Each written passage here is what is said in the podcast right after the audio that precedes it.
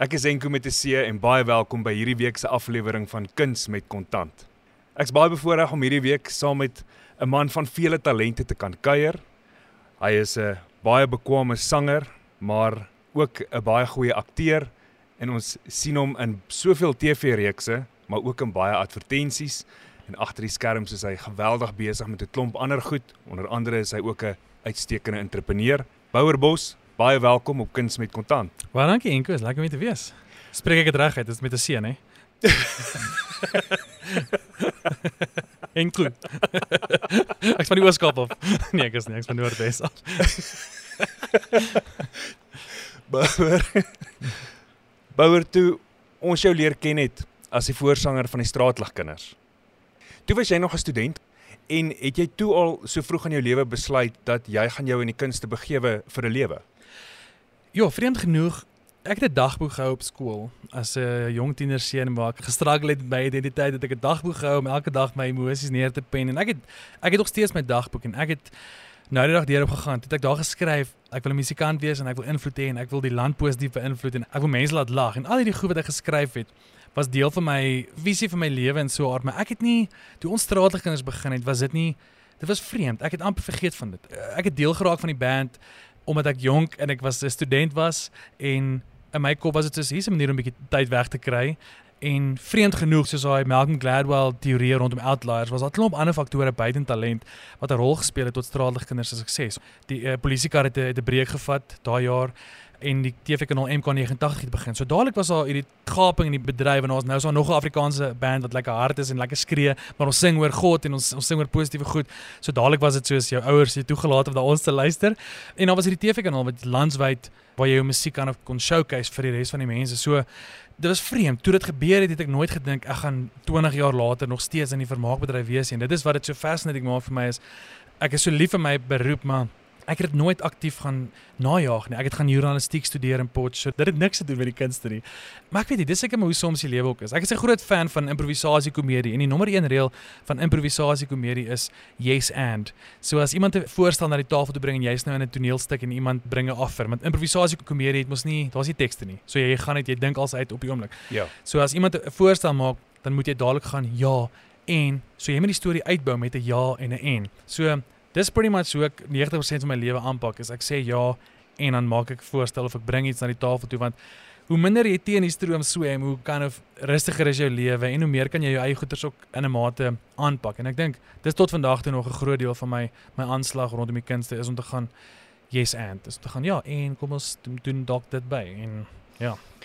Maar hierdie benadering wat jy het tot jou bedryf veroorsaak dit nie spanning by jou as dit kom by jou finansies nie. Ja, dis 'n goeie vraag. Ek dink net nog 'n buitelas by die vorige vraag. Ek dink my sterkste en my slegste eienskap is die feit dat ek worry nie baie wat mense van my dink nie. En baie keer is dit goed wanneer jy iets aanpak want jy weet daar gaan kritiek kom en dan worry jy net nie wat mense dink nie, maar die nadeel van dit is in persoonlike verhoudings en familie en so en dan kan dit soms nogal 'n issue raak as jy net gaan wel ek worry nie wat mense van my dink nie want mense moet maar 'n gesonde balans hê. Wat die finansies en goed aanbetref Daar's definitief implikasies met uitsprake en goed wat jy doen. Ek is iemand wat baie lief is om goed te sê wat ek weet dalk mense kan uh, opvryf die verkeerde manier, maar baie keer ek is maar net lief vir ons land ek is lief vir ons land se geskiedenis. So ek is nie bang om te praat oor ons geskiedenis nie, want dit maak my opgewonde oor die toekoms.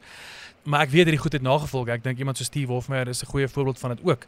Hoeveel hy borge al onttrek het van die kere wat hy uitsprake gemaak het. En ek het dit ook al gevoel aan my kant. Ons het destyds toe ons 'n vlieg gemaak het tuis in Trix, het ons films is duur. Films is tussen 6 en 10 miljoen rand as jy nou die groot tipe aksiefilms aanpak en ons het 'n borg gehad wat 100 000 rand gegee het vir die film en toe ek het hierdie versoeningsvideo's gemaak op YouTube wat ek praat oor apartheid en so aan.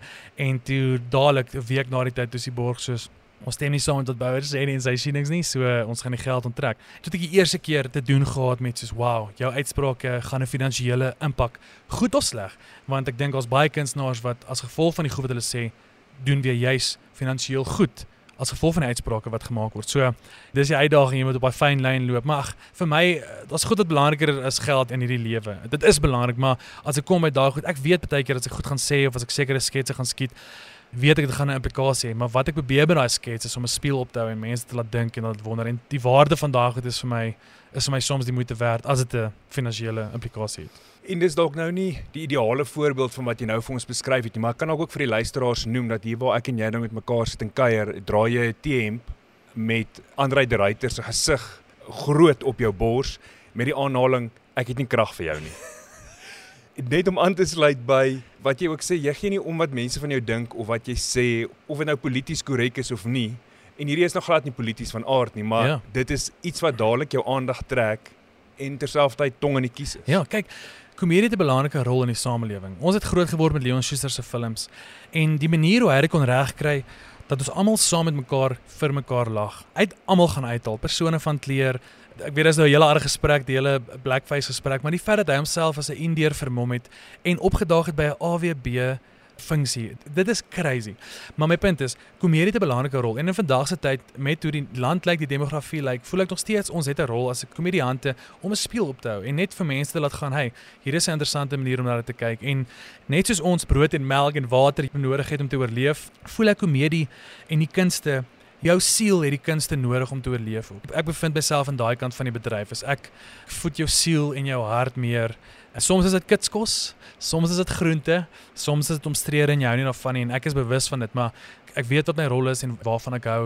Ek stuur nie net om te stuur om maar gou goedkoop laggie kry nie ek deurdink baie van die goed wat ek doen. Ek bedoel ek deurdink dit baie goed wat ek doen. Ek stuur dit vir mense om te toets en dan maak ek seker ek het al my soveel as moontlik my blinde kolle uitgesorteer voor ek hierdie goeders doen. Maar ek dink wanneer die kunste het 'n baie belangrike rol. Ek maak eintlik kuns om meer emosioneel te oorleef as finansiëel.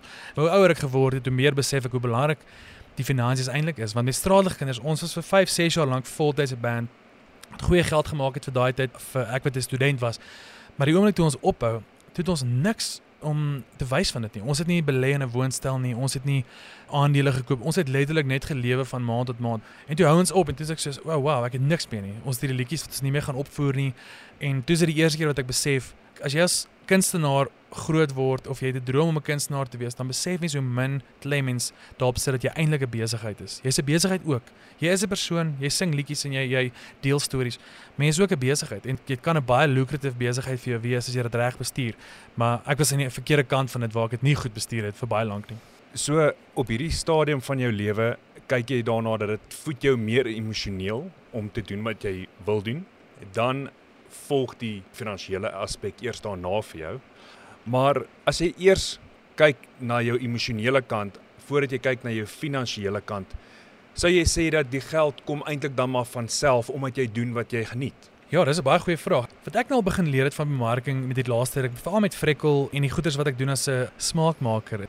Daar's 'n deel van my beroep wat te doen het met brands wat jou kontak en gaan, "Hey, ons het 'n nuwe produk wat ons bietjie mense wil van vertel. Hier is ons vir jou begroting, maak iets hier interessant en snaaks." En obviously mense weet ek is uitgesproke oor seker goed. Hulle weet waar ek staan met klomp goed, maar steeds al mense met jou wil saamwerk want mense hou van figure wat soms bietjie omstrede is. Jy sien dit van die Idol daar met Simon Cowell met Gareth Cliff. Ons hou bietjie van daai figure en ek dink beslis nie ek is naby aan daai ouens nie, maar baie keer besef ek brands stel belang in 'n stem wat bietjie teen die stroom is in terme van dit en brands wil op die ouene maar net gesien word op een of ander manier. Jy hoef nie noodwendig altyd te hard sell nie. So baie keer is dit my lewe is soos brands wat gaan hoor hierso. Hierso is 'n X bedrag, maak gou iets interessant en dan wil hulle jy moet doen soos jy dit wil doen. Daar's nie regtig 'n brief in terme van doen dit soos A B en C nie. Dit is soos hoe sou jy hierdie produk daar buite sit? Want ek dink dit is hoe mense ook die goeders inneem. Hulle volg jou vir 'n rede, hulle hou van hoe jy goeders doen en ook daar's 'n groot mate van vertroue in jou in hierdie goeders. Ek meen dit is hoekom ek die mense volg wie ek volg as Frans of Coke iets sê of post oor 'n brand of ding dan vertrou ek dit dadelik want ek vertrou vir Frans of Coke. En ek dink dis interessant hoe die wêreld verander het terwyl van bemarking. Als gaan nie oor billboards en TV advertensies nie, dit gaan oor persoonlike invloed in 'n mate en en as ons hierdie ou kan vertrou dan behoort die brands som ook seker te kan vertrou.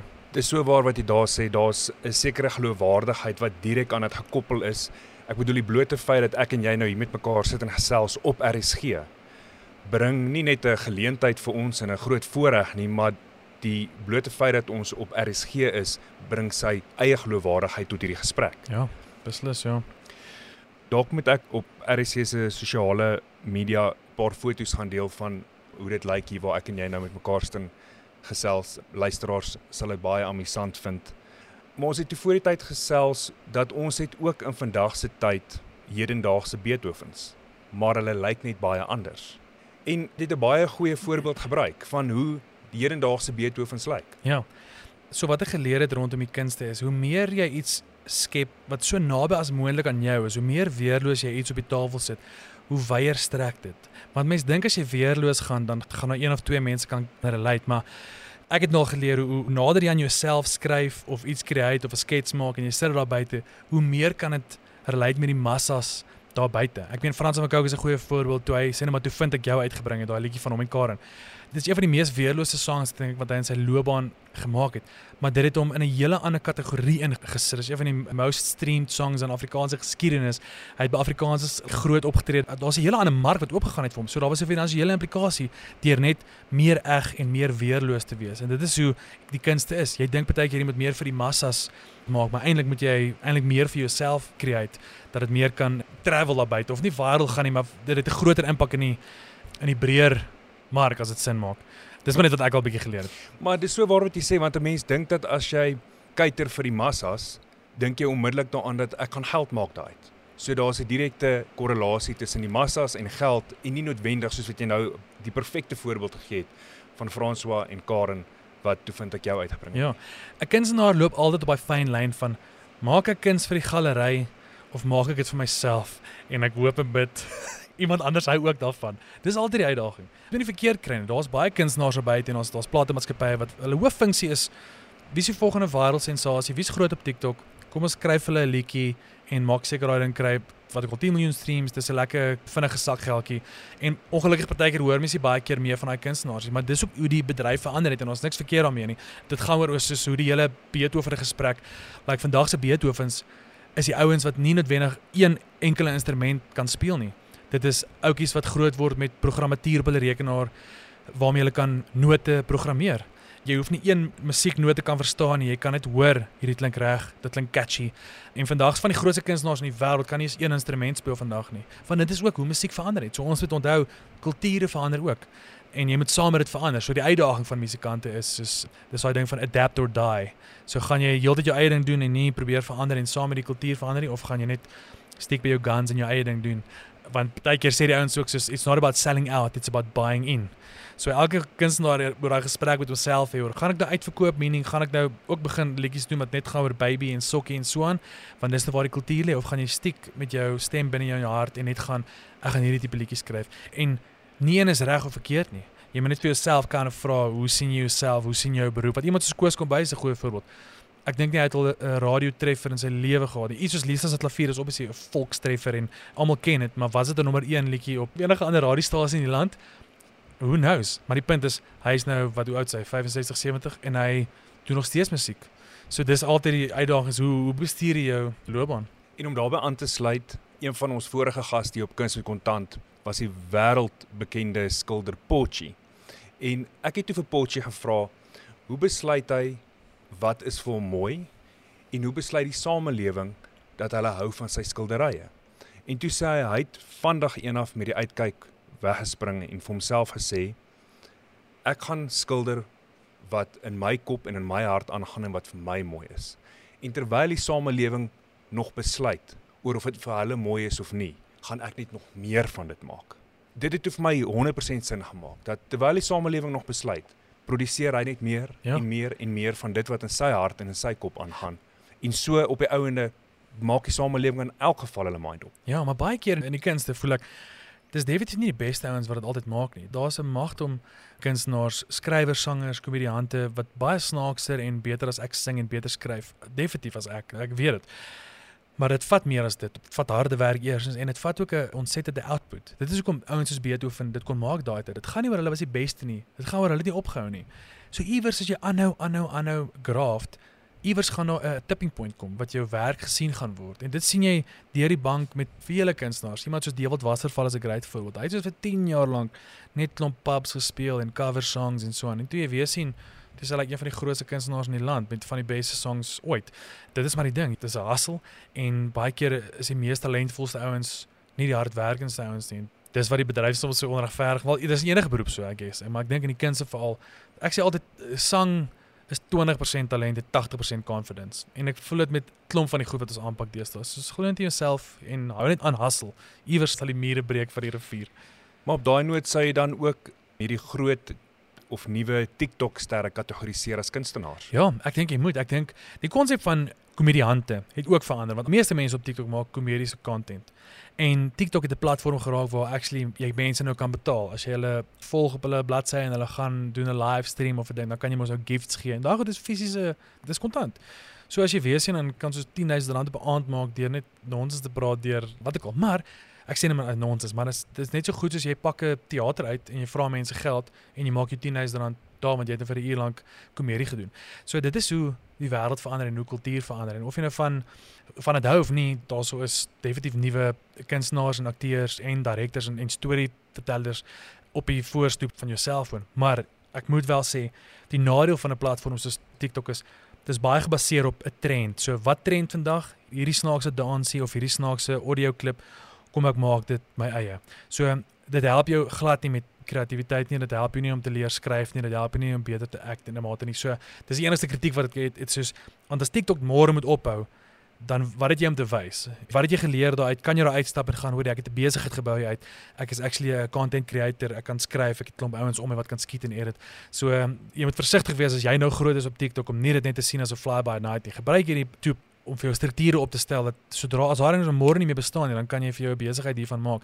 Maar die nadeel is daar's baie minder oorspronklike goed op daai app en dit is mense sal maar altyd deur dit sien. En indien jy sopas by ons ingeskakel het, ons kuier vandag saam met Bouer Bos op Kuns met Kontant. Bouer, as jy nie 'n sanger is nie, dan is jy 'n TV-aanbieder, jy is 'n komediant en jy het jou eie bemarkingsmaatskappy, maar uit watter een van daardie sou jy sê is jou hoofinkomste stroom? Ja. My hoofinkomste stroom is deur my en Benny Fourie se maatskappy Freckle Creative.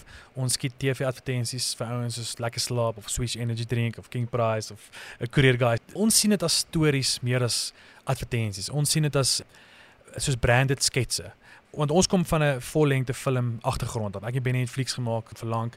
So wat ons besef het is mense hou van stories. So al wat ons nou gedoen het is ons gaan net die storie in 1 minuut vir jou vertel. So daar's 'n interessante verhouding, daar's 'n interessante konflik, daar's twee verskillende kultuurgroepe of 'n man en 'n vrou of net twee verskillendes op die skerm en dan is daar 'n misverstand. En ons liefde is komedie en ek dink dis hoe ons dit maar net op die oomblik reg kry om om hierdie so lekker en so goed te doen as wat ons doen.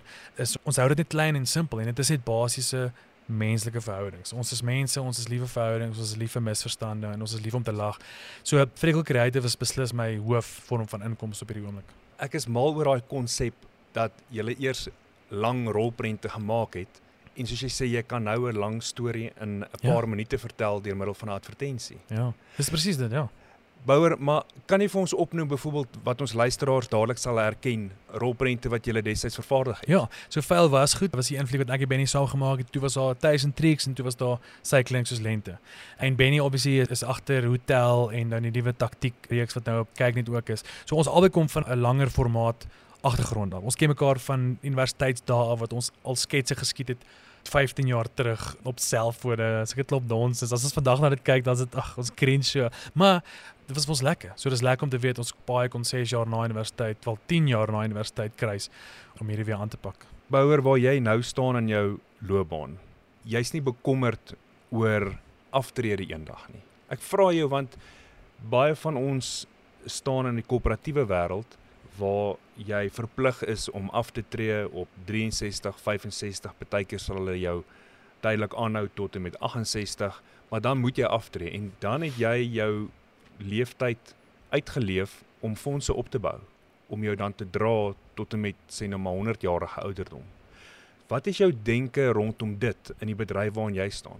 Ek probeer altyd wanneer ek angstig raak want ek dink kunstenaars sit ook met 'n groot deel insecurities. Ek dink almal se lewe met insecurities, maar ek dink kunstenaars voel vir my 'n draad so klein bietjie erger omdat ons ons maak iets en ons wys dit vir die wêreld. Gewoonlik argitekte of bouers of CA's die goed wat jy maak wys jy nie vir die wêreld en jy maar nie die wêreld het nie 'n opinie oor dit nie. Ek weet gaan nie oor ons is beter as ander nie. Ek probeer net gewys wat hierdie bedryf uitdagend maak is jy het 'n groter struggle met jouself voor jy iets uitbring as enigiets anders.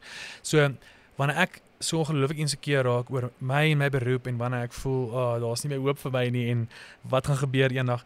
dan breek ek my lewe vir my af tot die mees simplistiese vorm toe en probeer kyk wat het ek in my hande. So omdat ek 'n gitaarspeler is en ek kan 'n bietjie sing, kan ek altyd teruggaan na Ek kan 'n gitaaronderwyser word wat kinders leer gitaar speel. So ek breek dit vir my so af. Ek het ook 'n motorfietslisensie wat beteken as ek moet sal ek worst case kan ek 'n uh, motorfiets ry wat kos aflewer op jou gunsteling kos toep.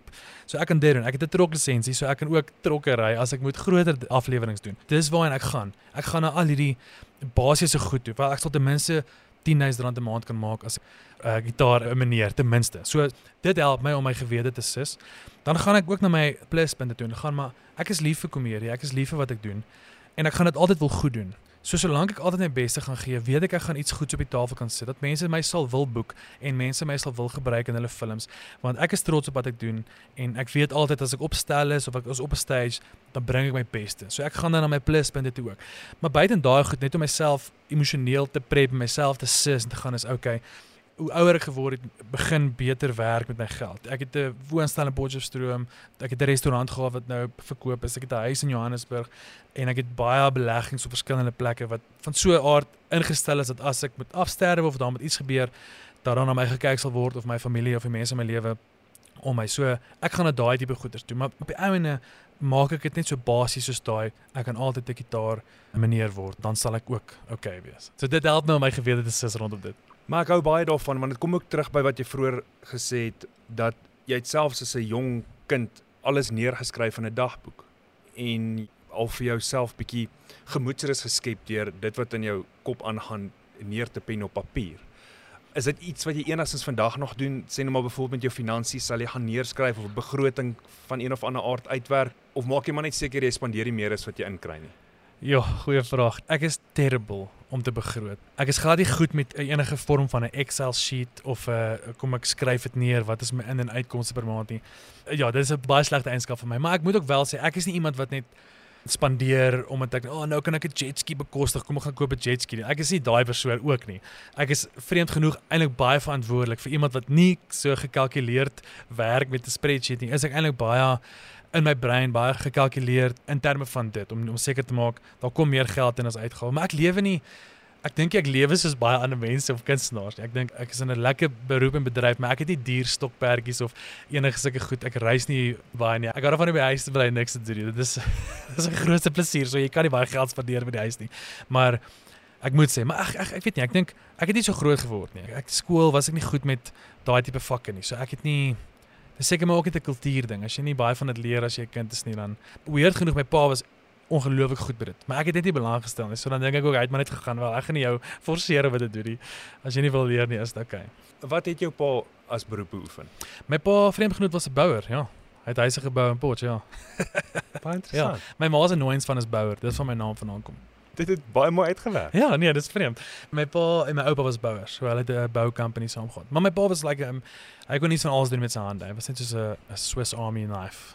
Ek gaan nou hierdie braai en sê dat die hele straatlig kinders begin het. Was jy 10 teen 1 in die kerk se orkes? Ja, ek was 100% in die kerk se orkes. Dis waar ek begin het. So ek het 'n vreemde storie. Ek het na skool nie geweet wat ek wou gaan studeer nie. Toe gaan ek na die organisasie met die naam See Kruis. Hulle was 'n diensjaar vir Christus. Die het mense bedien in die kunste. So ek was 'n danser en ek het gitaar gespeel daar. Het dit vir 2 jaar gedoen. Toe gaan ek Amerika toe, toe werk ek by 'n kerk in Amerika. Toe ek daar in die band. Toe kom ek terug en toe begin ek studeer en toe werk ek toe ek 'n jeugwerker in Potch in my eerste jaar van my universiteitsloopbaan ek ken die ouens van straatige kinders van die skool af. So maar toe het ons net weer baie gekruis in die kerk en hulle vra my toe. Hulle begin Afrikaanse band wil ek hulle join. Ons nie 'n naam nie, ons het niks nie, maar ek sing in die kerk as ek wil deel word. Dis in 'n mate maar waar dit begin het is letterlik uit die kerk. Maar die vreemd genoeg is onthou die kerk is die enigste plek waar jy kan musiek maak. As jy skool nie 'n band het nie en jy besluit as jou vriende, jy gaan nie 'n band hê nie. Is die enigste plek wat infrastruktuur het, is die kerk.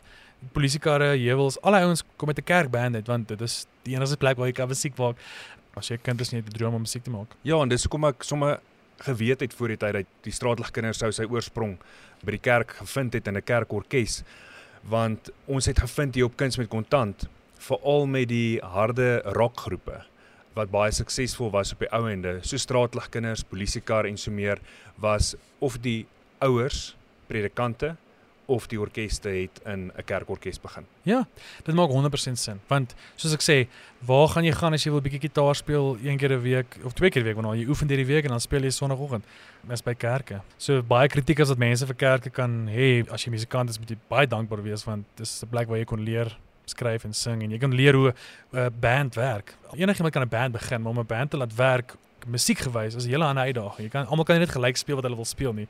Jy moet mekaar dien. Jy moet nou minder speel, laat daai 'n bietjie meer speel. Dis 'n dans wat jy moet aanleer.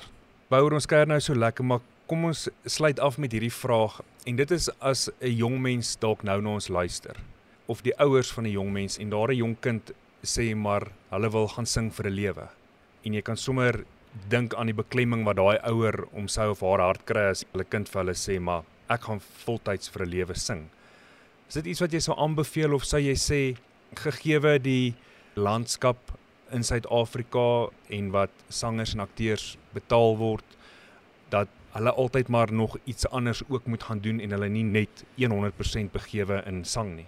Ek dink ons sal altyd plek wees vir nuwe stemme. Ek sal altyd vir iemand sê gaan jaag daai droom aan. Ek het ook gaan studeer. So ek sê ook sê hierdie goed kan parallel van mekaar loop. Almal het verskillende stories. Ek dink iemand soos Bobby het soos voltyds net vir Teen Jordan begin shadow en so daar's verskillende maniere hoe dit kan gebeur, maar ek was net soos ek wil gaan studeer, so hierdie goed kan parallel loop. Ek kan 'n graad agter my naam kry en begin musiek maak.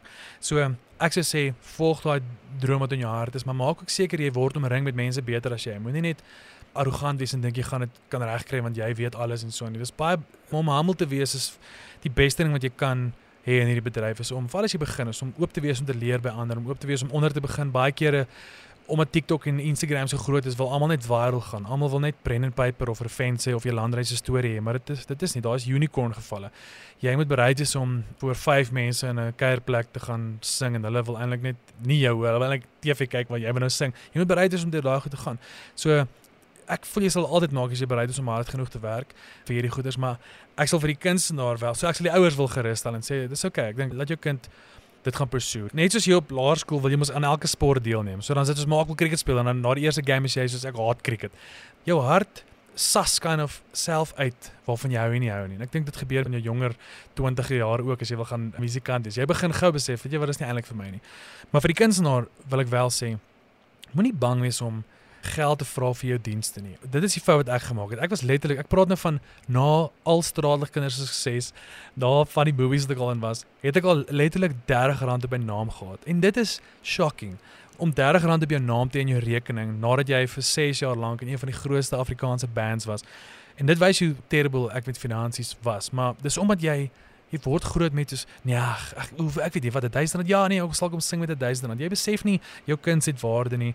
En jy jy moet besef dit maak mense se siele vol. En net soos ek gesê het nou nou jy betaal vir kos moet jy ook betaal vir kinders want mense het dit nodig. So moenie bang wees om jouself om geld te vra vir jou dienste nie en moenie bang wees om jouself goed te quote rondom hierdie goeders. Ja, daar's obviously dis nou triekie om te sê want as jy begin, jy moet onder begin. Ons is ook na 'n jaar van straalike kinders, dit is niks op ons naam gehad nie want daai eerste jare is belangrik om die woord uit te kry van wie jy is en wat jy doen. Dis triekie om dit net so te sê, maar ek dink maar net hoe ouer jy word en jy begin geld maak, moenie skaam wees om jouself ernstig op te vat as 'n besigheidsman nie. Ja, en jouself dan so in die voete skiet en jouself so te na te kom nie. Ja. Want ek het ook al ervaar persoonlik dat as mense sulke dienste van 'n mens vra, sal hulle ook geneig wees om vir jou te sê, "Maar ag, jy maar asseblief afslag of vra my minder." Maar dan sal my antwoord eerder wees, "Ek vra jou dan eerder niks en doen vir jou die werk of ek vra jou volprys en ek lewer 'n vol diens." Want as ek jou halfprys gaan vra, dan gaan ek ook 'n halfe diens wil lewer op die einde van die dag. Ja, dis baie waarde. Ek dink ook die ander uitdaging as ek na duiwels advokaat kan speel. As jy vandag moet begin as 'n musikant, daar's soveel goed vir en teen jou. So met ander woorde, jou foon het 'n ongelooflike goeie kamera en 'n goeie mikrofoon. So jy kan dadelik 'n musiekvideo skiet. Wat destyds musiekvideo's was R20000 wat baie baie geld was daai tyd. Vandag kan jy baie min met R20000 doen as jy 'n ordentlike video wil maak, maar die fone se kwaliteit is ongelooflik goed. Selfs as jy wil begin skryf en movies maak en direk of so en dan jy het geen verskoning. Ons sê altyd don't tell me show me. Moenie vir sê jy is 'n musikant of jy kan toneel speel nie. Wys my, wat het jy al geskiet op jou foon? Wat kon jy al edit? Wat kon jy al opneem as 'n video, musiekvideo op jou foon? Daai is die goed wat op die ouene in jou gun stel, maar die uitdaging ook is omdat hierdie sosiale media platforms so groot is en die bedryf so groot is, is dit nogals baie klatterd ook. So dis baie moeiliker om raak gesien te word in vandag se tyd. Wat destyds met ons was MK89 was hierdie TV-kanaal. Kinders het actually nog voor die TV gesit en huiswerk doen. Vandag is dit soos jy's op jou foon heeldag.